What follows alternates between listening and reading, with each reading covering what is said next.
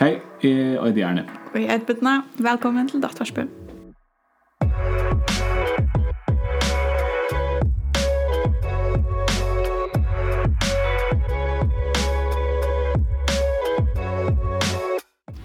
Nattvarsbet er et podcast som vi uh, framleier her av Blagershøvnån. Her som vi sitter på nå og tar opp. Jeg arbeider her av Blagershøvnån, og til å bedre til arbeider uh, i dette ung som er ungdomsvidgjeren til Blagershøvnån. Mm -hmm. Men hun er ikke, hun ganger ikke nek fyrir seg inn av Blagershøvnån. Nå blir det mega forvirrende, men, men til arbeider mest i havn. Ja, det tror vi. Og vi går til vi, vi unge falken bor seg av. Um, og i akkurat vidtjer så brukar vi datt, mm -hmm. og etter podcast handlar om datt. Og Bitna, hva er datt. datt er en metode, pleier jeg å si, som vi mm. brukar. Og i datt så kan vi ut fra at vi ødel at det aller, aller beste som vi då. Mm. Men at omtid så har vi bruk for å lære hvordan du forelegger, for å klare livet bedre. Akkurat. Og vi drar i gang... Det er det som handler om, ja. Mm -hmm. Vi drar i gang for kjensleregulering akkurat nå. Akkurat. Vi tar en, en av kjensler i hver parste. Ikke en forelegger, men en av kjensler som vi så tar som Ja. Og i dag så tar vi om vaml og ansikt. Mm -hmm. Og vi tar finne en gest av hjelp hjelpblokken vi tog. Ja. Og han eh, er ikke fremmede ur sjokken. Han har eh, kontøret på Sunne som er. Mm. Det er Kono Iversen.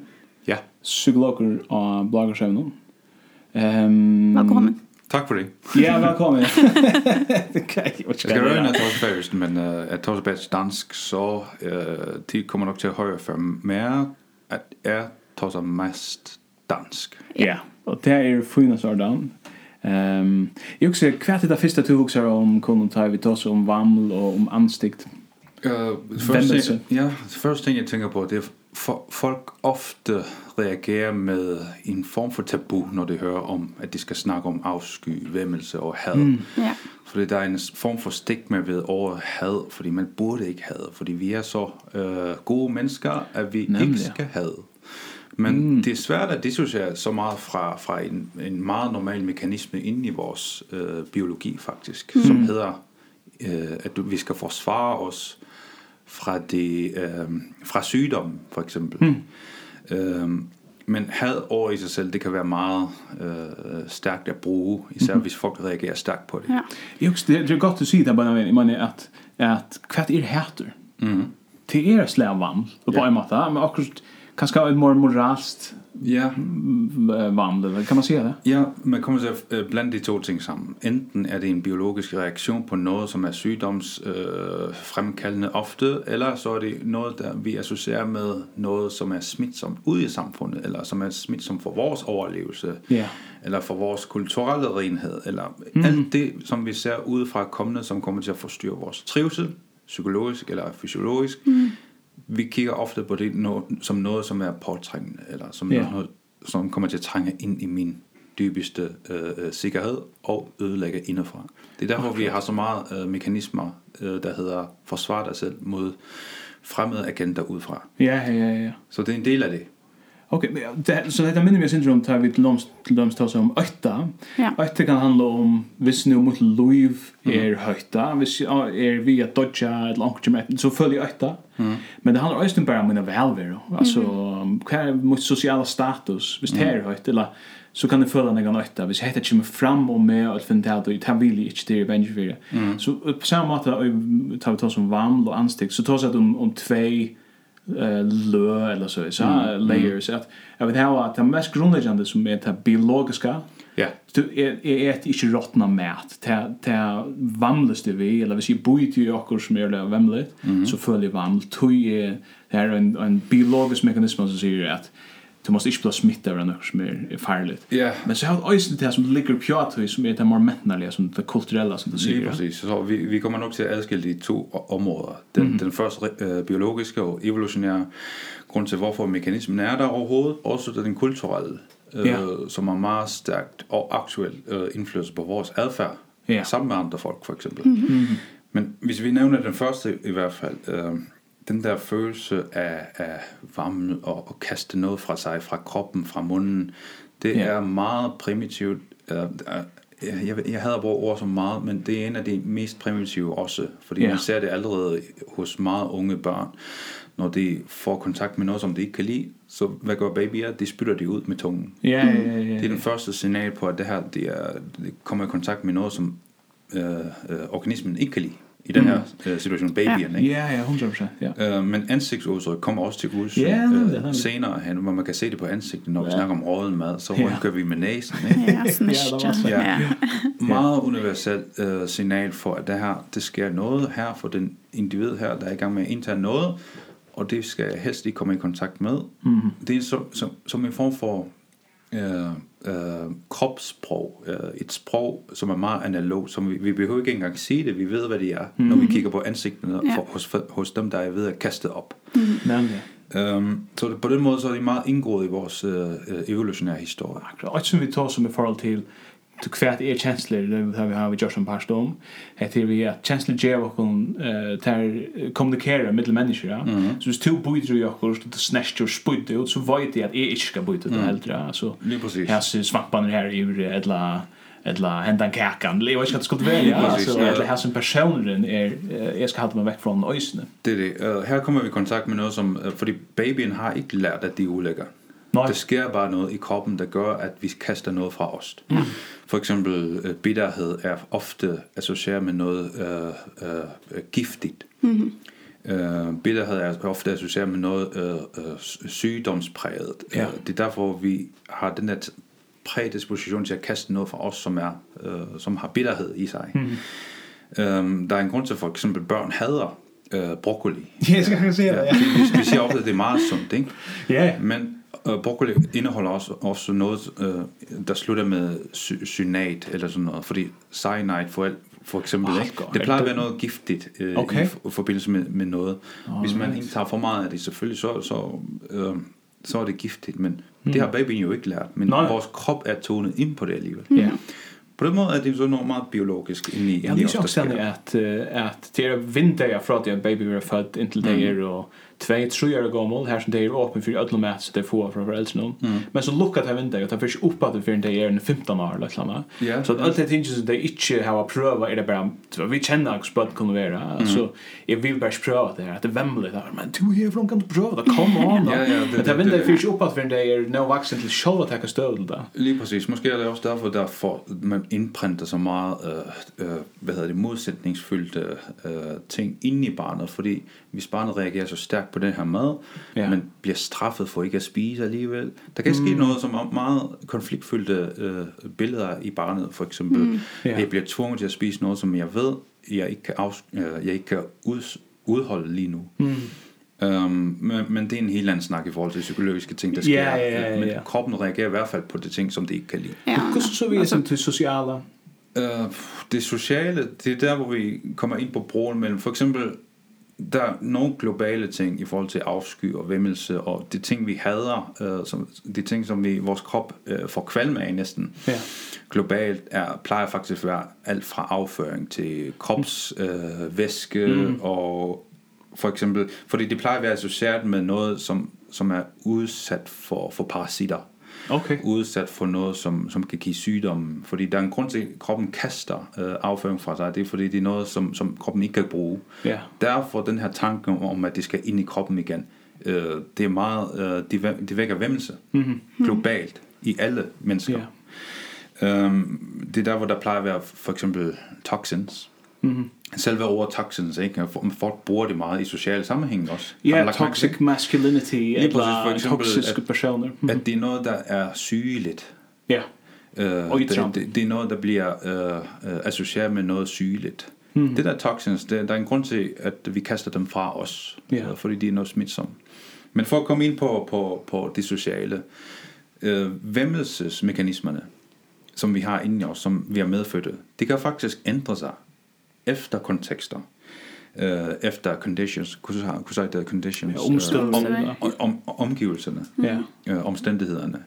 For eksempel, der er meget, øh, for eksempel hvis jeg sad fast øh, oppe i Alperne, og, og var mm. sad fast sammen med, og kunne ikke reddes, og der er ingen mad, mm. og, og, så, og, hvor jeg er nødt til at ty til kannibalisme, ser den filmen, ja. Ja, lige præcis.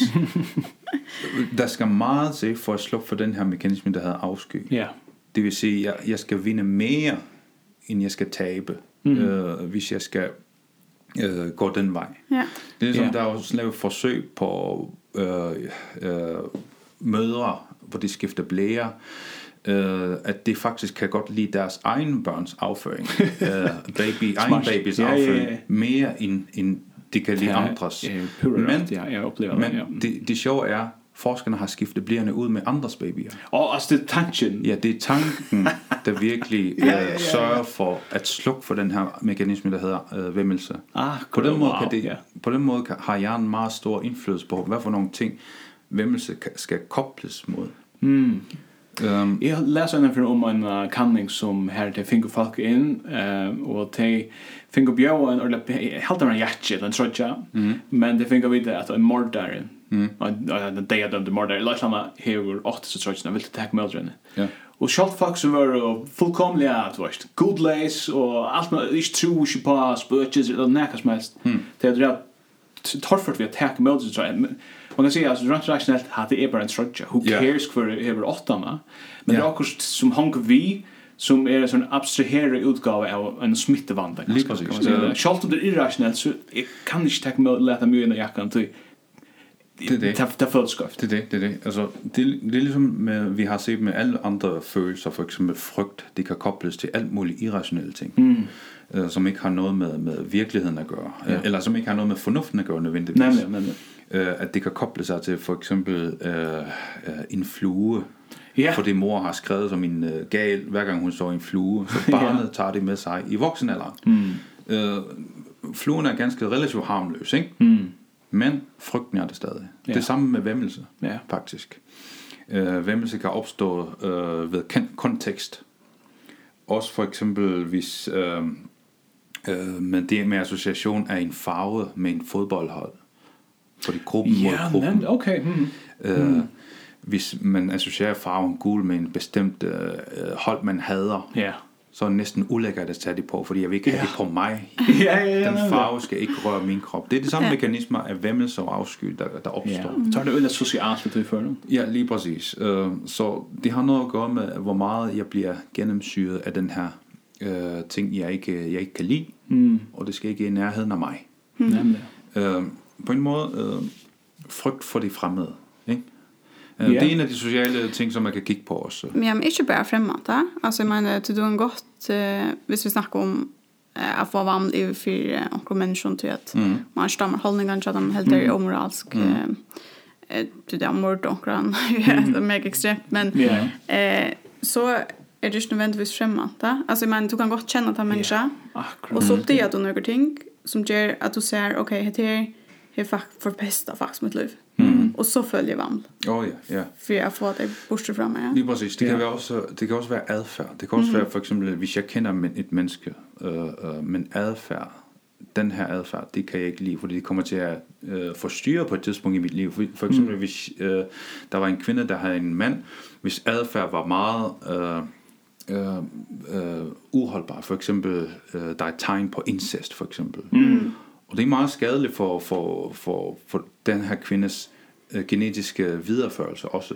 Mm. Det er ikke, øh, fordi hun kan se tegn på, at det kommer til at, at gå i forrådelse i fremtiden, hvis, det, hvis den her adfærd kommer ind i mit liv. Mm. Ja. Så det, er, det har ikke noget, nødvendigvis noget med det ukendte, men det kan også være noget af det ukendte i personen. Ehm ja, ja. Det, det skal ikke blive for kompliceret, Nej. men i hvert fald vemmelse og afsky, det kan blive vagt af alt muligt mm. øh, sociale omgivelser. Ja. Men det er de samme primære mekanismer, som er inde i biologi. Men er det ikke det, som henter, da man har eh, ta folk kommer i diskussion om politisk ting, ja. og så att at det bliver eh, det primitivt? Jo. Så är man för anständig för hållningen till hinparsen. Jo, nämligen. Eh, der er meget interessante øh, øh, forsøg faktisk, også øh, noget med, øh, forestil jer, hvis I skal ind til en jobsamtale, og øh, jeg kan vække mekanismerne i samtale, øh, hvad hedder dem, der skal interviewe jer, øh, jobansøgerne, øh, job... Øh, interviewerne. Okay, ja. Jeg kan, give, jeg, jeg kan give dem noget bitter drinks. Okay. Jeg kan give dem noget, som øh, viser dem billeder, som er ulækre, mm. lige før I kommer ind. Hvis jeg kan formå at socialt influere deres mekanismer, før I kommer ind, ved hvad der sker, det der kommer til at ske, er, at de kan lide jer mindre. Mm. Bare fordi de har været udsat for det her øh, ubehagelige siden. Ej, okay. Ja. Det er meget interessant, hvordan man kan spille på folks følelser, og stimulere på et bestemt måde de mekanismer, vi allerede er født med, mm. som påvirker deres udsyn Mm. Det kan godt være, at jeg, jeg er meget kompetente, men det, deres, de, de, kunne, de, kan ikke, de er ikke i fornuftverden lige pludselig. Mm. De, er, de spiller efter følelsernes regler, mm. hvis ja. jeg kan spille på deres knapper rigtigt. Mm. Det, er derfor, det er derfor, det kulturelle effekt er meget interessant lige pludselig. Ja. Så for eksempel det det er blevet brugt før i det i i i 2. verdenskrig for eksempel hvor Hitler brugte ord som rotter.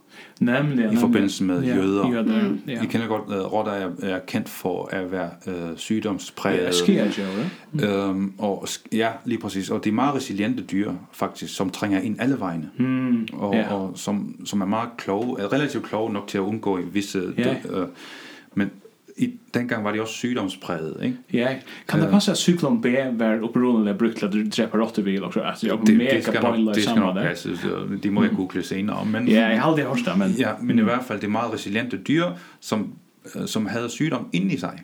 Mm -hmm. Derfor øh, det, var det meget effektivt også at bruge ord som rotte yeah. og jøde sammen, hvor man kobler mm -hmm. de to ud, øh, hvad hedder yeah. det, ud, øh, hvad hedder det, og uafhængige ting sammen. Ja, sjovt. Ja. Og så skabe et billede af noget sygdomspræget individ. Ah, øh, det er der, hvor man klinisk bruger ord som øh, øh, jeg jeg hader tanken ved ved det her, fordi det minder mm. mig om om eller vedkommende er en lort. Mm. Ja, ja, ja, ja. Jeg kan se det to, øh, to Det er en kategori af bandeorden, som her vi hygge egen og gjøre. Ja, lige præcis. Og, og det, det mest nedværdigende må, måde, ikke, man kan trække folk i, i, i deres identitet på, at gøre dem noget sygdomspræget. Ja. Mm. Og stigmatisere dem ved, ved, ved, ved, at bruge ord som sygdom. Lepers for eksempel. Ja, ja, ja. Uh, det er meget effektivt, fordi det spiller på vores ja. iboende tendens til at holde os væk fra det her sygdomspræg. Ja, det er et sjovt point. Ja, ja. Det er faktisk en varmere sammen. Ja, så det kan godt sige det, men jeg husker, at det er tabu på en måde tog som mig. Hvordan ofte er første dag, til at du sitter, hvis nu du underviser, eller at du har terapier, hvordan ofte er varmt tidsjobb? Faktisk, når... Uh, det, det lå ofte meget øh, i baggrunden, fordi mm. hvis had, nej, hvis vrede og indelukket vrede og afmagt mm. og invalidering, det vil sige, folk har været omgivet af folk, som ikke er særlig gode til at passe på ens hjerte i længere mm. tid af gammel mm. men måske mere peger på dem øh, og, og siger, du er ikke god nok, du er ikke god nok. Yeah. Den her længere tids øh, øh, adfærd, som vi snakker om lige før, som er så gennemsyret i, i ens liv, yeah det begynder at spille på mekanismen, der hedder, jeg hader det her. Jeg, ja. jeg vemmes ved det. Jeg vil ikke mm. være sådan en person. Jeg vil ikke, ja, ja. jeg vil ikke have, mine børn er i nærheden af den her person, fordi det, det, det er uholdbart. Det, ja. det, det gør noget ved mig. På den måde, mekanismerne bliver spillet ind på grund af sociale omgivelser. Det, er, ja. det har ikke noget, nødvendigvis noget med mikrobiologi at gøre, men det føles smitsomt alligevel. Ja, ja. Mm. Øh, fordi det er uholdbart. Ja. Men det är det tabu. Alltså mega. man man ser ju inte. Ja. Man at man vamlas vid ett annet människa. Ja, nej. Det låter sig själva, jag menar. Ja. Mm.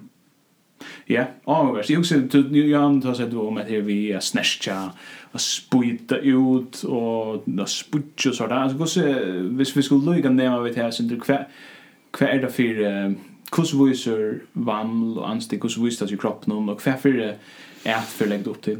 Eh ofte, da jeg lagde mærke til, da vi begyndte at snakke om uh, vimmelse, vi, vi rynkede lidt på næsen. Ja, ja, ja, man tænker meget, det siger ja. Men ofte er det sådan, det vi, vi gør, vi, at vi lukker for næsen, vi lukker for, for vi vender ansiktet væk fra, fra de vemmelige, for mm. at beskytte os fra det mikrobiologiske. Og som jeg husker om, at det vi har snashtja, vi snashtja oss en det rill. Altså, vi er utsøkja vrøye, så snashtja vi døst. Altså, til, på øye måte, aggressiviteter vi er utsøkja fær to væk fra her. Det, eller kanskje det omvendt. Lige præcis, det kan, det kan også være det. Men det der, er meget, uh, der er også andre situationer, omstændigheder for eksempel, eller kropsreaktioner, for eksempel, når jeg eh eh kunne sige, der gag, Og ja, klutcher. Ja, øh, opkastfornemmelser. Ja. Mm -hmm. Det er de samme mekanismer, som gør, at jeg øh, øh, kaster alt det øh, forurenede ting ind i mig, væk fra mig igen, ja. så, så det ikke dræber mig. Mm -hmm. Det er derfor, vi, vi, vi har den der gag-reflex. Ja og, og vi, vores mund får, får øh, væske indvendigt, ja, ja, ja. Så, så de prøver at skylle noget ja. ud. Og øh, alt det, der er med til, er til at beskytte kroppen væk fra noget, som vi anser øh, øh, øh, øh, som noget urent, mm -hmm. men også noget, som er reelt øh, urent, især i gamle dage, især i, i, i menneskets ja. biologiske historie. Mm. Øhm, så det er faktisk en uh, effektiv forsvarsmekanisme til at holde noget væk, øh, øh, øh, som ikke nødvendigvis er godt for ens øh, mm. trivsel Nämligen. Mm. Och i, och i årsens bröja så tydde ni ja. Så vi tar så bär, som sagt nog så ofta, mm. vi tar så bär det biologiska, men också det sociala, mm. moralska. Eller så ja, mm. ved godt, ved godt at for eksempel der er nogle, øh, når, når kvinder bliver gravide, at de får Nemlig. den der eh kvalme fornemmelse hele tiden. Ja. Det er faktisk i anden eller tredje, jeg kan ikke huske, tredje eller fjerde uge, der er to, eller to til fire uger mm. ind i graviditeten, hvor, hvor fosteret er mest sårbart overfor udefra kommende ah, agenter. Klart. Ja, ja. Nemlig. Der er kvinden mest, øh, der har kvinden mest kvalme faktisk. Ja, genialt. For at beskytte fosteret mod unødvendig indtag af, mm. af toxins eller Det yeah. hedder faktisk teratogener, men okay. for at beskytte fosteret i hvert fald. Ja, ja, akkurat, men det gør også noget mega gør. Ja, ja. Det meget irriterende for livskvalitet, men i hvert fald nødvendigt, hvis barn fosteret skal øh, ja. ikke være præget af sygdom og alt muligt. Ja, okay. Så hvis du skulle takke sammen om, uh, det er en tabu-chancellor på en måde. Mm. Det er ikke Jeg kan godt forstille meg før det var lettere å snakke om samband mellom vann og moral. Mm. At det er forkastelig, et eller annet. jeg husker en Bibelen, jeg tar sånn jeg kom forskjellig som er anstidgelig, og så ja. uh, Men nu er det er vi mega tolerant, så vi tar så ikke rann såleis. Men, men när er vann og anstigt, när har skadat til fakta? Det er det. Um, kan det latte, latte, latte Sverige er ta og hvis du äter ett eller fast ett inuti en kropp så blir du sjuker eller du dorst. Så det er mega smart at ja, uh, mamlas vid det. I må hjelpe mig her fordi i forhold til ja. det kulturelle aspekt, det er meget, verden er meget kompleks nu. Ja. Ja. Så en bestemt uh, formel på hvordan man skal bruge vammel til, det, det er nok ikke, uh, det passer ikke, det er ikke alt omfattende. Og Nej. det er meget kompliceret at snakke om det, men uh, en ting kan man sige, i forhold til vores biologiske prædisposition, der hedder uh, hold sygdommen væk, det er meget primitivt. Mm. Øh, ofte passer det ikke rigtig ind i, i, i mange af de ting, vi snakker om, for eksempel mm. øh, øh, hvad det nu kan være i det yeah. globale samfund. Ikke? Mm. Hvordan passer den til fakta? Det passer til, til, at du er i gang med at støde på noget, som du opfatter ikke er nødvendigvis passende til dig og din trivsel. Mm. Hvad du vil, øh, i forhold til overlevelse. Det kan være alt fra mikrobiologi, mm. øhm, det som jeg snakker om i forhold til graviditet. Øhm, så hvis man bruger ord, som jeg hader, jeg, jeg, jeg afskyr tanken, og jeg vemmes ved det, så, så, så passer den jo. Ja, yeah. ja. Yeah. Øhm, men hvornår den bliver irrelevant, det er det samme med alle andre følelser, hvis det, hvis det bliver lige pludselig uden for kontekst. Jeg snakker om den her konstante vemmelse af folk. Man begynder at afsky folk, fordi jeg aldrig har fået kærlighed i mit liv. Mm. Så er den fuldstændig lige pludselig uden for konteksten. Ja, ja nemlig, ja, nemlig. Så det har ikke noget med dit nuværende kontekst at gøre. Det er, det, det er i lyse af, at du bliver så skuffet ofte, mm. at vammel er ikke, øh, eller den er blevet, den bliver tændt hele tiden. Ja. Mm når man kan fange den er uden for kontekst, øh, så begynder det at være et handicap. Det begynder mm. at være et usynligt handicap, der farver dine fremtidige forhold, der farver ja. dine fremtidige forhold til andre folk. Et eller andet sted, så i virkeligheden, så er det noget, der stammer forfra, eller i fortiden. Øhm, um, mm. hvordan den ikke passer til kontekst, det kommer, det kommer faktisk an på individet.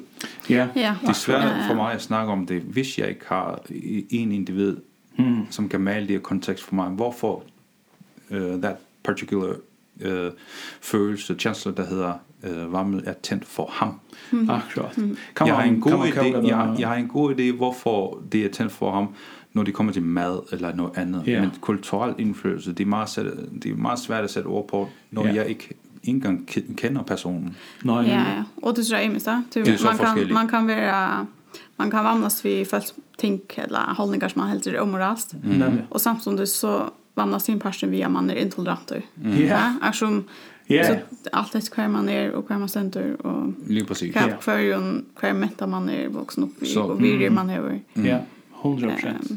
Ja. Jeg, jeg tror, vi snakker alle sammen samme sprog, når det kommer til biologisk reaktion til ja. væmmelse. Men ja. kulturelt, der skal man dykke langt tilbage ind i, ind, ind i klienten, mm. for at finde ud af, hvorfor vedkommende væmmes så meget i den her situation. Ja, og jeg vil også, at man, vi kunne tage som emisk mørsk personlige, emisk moralsk virer, mm. men jeg også samtidig, så kan du også godt oppleve at du uh, tilvida hever noen virer, men du vann kanske sina gamla eller mm. en känsla att du har som här var två bytter på någon eller ett dilemma vid det själva. Mm. Det jag har ju snägat döm vad med att börja touch som jag var nu va. Ja, precis. Att det måste det att kanske min uppväxt så är jag var måste heter men i Jerry faktiskt inte hade faktiskt det okej eller ända när för när det liksom bara kunna fast kunna eller eh och ta kan vara en lite två stövar för det kvar kvar så ska Jerry ta. Ja, det det. Ehm ofte, øh, hvis det kommer til afsky og vemmelse, så er det en god idé at spørge selv, hvorfor hader jeg så meget? Lige præcis den her ja. menneske, eller, eller, eller den her situation, eller, eller det er altid en god idé at spørge, hvor den begyndte at opstå øh, ude af kontekst. Ja. Mm -hmm. Fordi øh, et hånd på skulderen øh, eller låret, folk reagerer anderledes på det. Hmm. Hvis svimmelsen er der, så, så må der være noget andet, som har øh, været fuldstændig kaotisk i fortiden, ofte, Mm. der har ja. gjort, at det, det er blevet til en længerevarende intrusion for dig. Ja. Ja. Øh, Hva er vi, Montilla, vamlet hvis vi selv Ja, øh, Det kommer godt. Det, det plejer jo at hænge sammen med, med selvværd på en eller anden måde. Mm. Øh, det, plejer, det er derfor folk øh, får bulimi for eksempel. Ikke? Det, oh, ja. øh, det folk begynder at få et øh, had forhold til deres egen krop, og det oh, de hænger ofte sammen med selvværd. Fordi mm. følelser øh, hænger ofte sammen. For eksempel øh, vrede og frygt. Mm. Det kan også være øh, øh, væmmelse og, og og og uh, skam og skyldfølelse, det vil sige selv ja, ja, ja. Så på den måde, det, man, man kan få et hadforhold til sig selv. Og det er meget svære situationer at stå i, fordi man kan ikke flygte fra sig selv. Ikke? Nej. Nej, det der. Øhm, ja, så har det noget at gøre med, ofte noget at gøre med, at der er nogle folk rundt omkring en, som er begyndt at er præget lidt for meget ens identitet og siger, du er ikke god nok, jeg, mm. jeg, jeg hader dig, eller ja. øh, jeg, øh, jeg synes, du er ulækker, eller sådan nogle ting. Nej, men, men alt efter livshistorie, fordi der findes 7 milliarder folk rundt omkring i verden, så yeah. man skal virkelig spørge sig selv, hvorfor den er tændt. Ikke? Yeah, jeg kan blive ved med at gætte, men det, det kommer til at tage alt for lang tid. ja. Akkurat, og jeg husker, vi tog så kom, vi börja komma med vändarnas podcasten om att um, Ja, jag också, jag blev vi också om vurste om. Mm. Att att vi vi kunde ta oss om när eh till något point fram tar vi ta oss om det mer biologiska, synd mer komplicerat tar vi ta oss om det sociala och det moraliska. Mm. Och när tusen tid var när känslan utanför kontext alltså mm. när flyger sig från en eh hemmilan kontext till en här som det inte bara det ger bra mening och det är läkt att löv eller eller det var Jared Lewin extra när det pjörs av. Mm. Ta hit du kanske bruk för att jag vet inte, ganska för att samtal samtalet kommer. Ja, ja. lige præcis. Eller i hvert fald, øh, øh, eller finde en virkelig god psykolog, eller, eller som er i stand til at se ud over symptomerne også. Ja. Det tror jeg, Som virkelig kan finde råd. ja, ja. det er selvfølgelig godt. Super, super interessant og godt. Ehm hvis jeg anker her ute har spurningar til om händan parten eller nokon annan eller nokon om datla I don't know who var skriva på något Carlos Brau I don't know. Så kom til skriva til datvarskurla blogcross blogcross.fm Ja og vi der er på sosiale medier du kan finne oss på Facebook og Instagram hvis du leter etter datvarsp. Her kunne det skrive dere, det er kjøpt meg like. Ja, um, om anker... Og følger vi, når ja, Persa kommer ut. Ja, nemlig ikke Persa kommer, så 100%. Um, og anker er av og vi hører mer om vidgerna som vi bjør, bæg her av bloggersøvnen, men også utdatt ung, som er til ung, så kom til ferdig inn og heimassiden til dere som er bloggersøvnen.mf, og her kan de lese alt om det. Ja, mm. jeg er Vidna. Jeg er Jørn. Tusen takk for du Lars.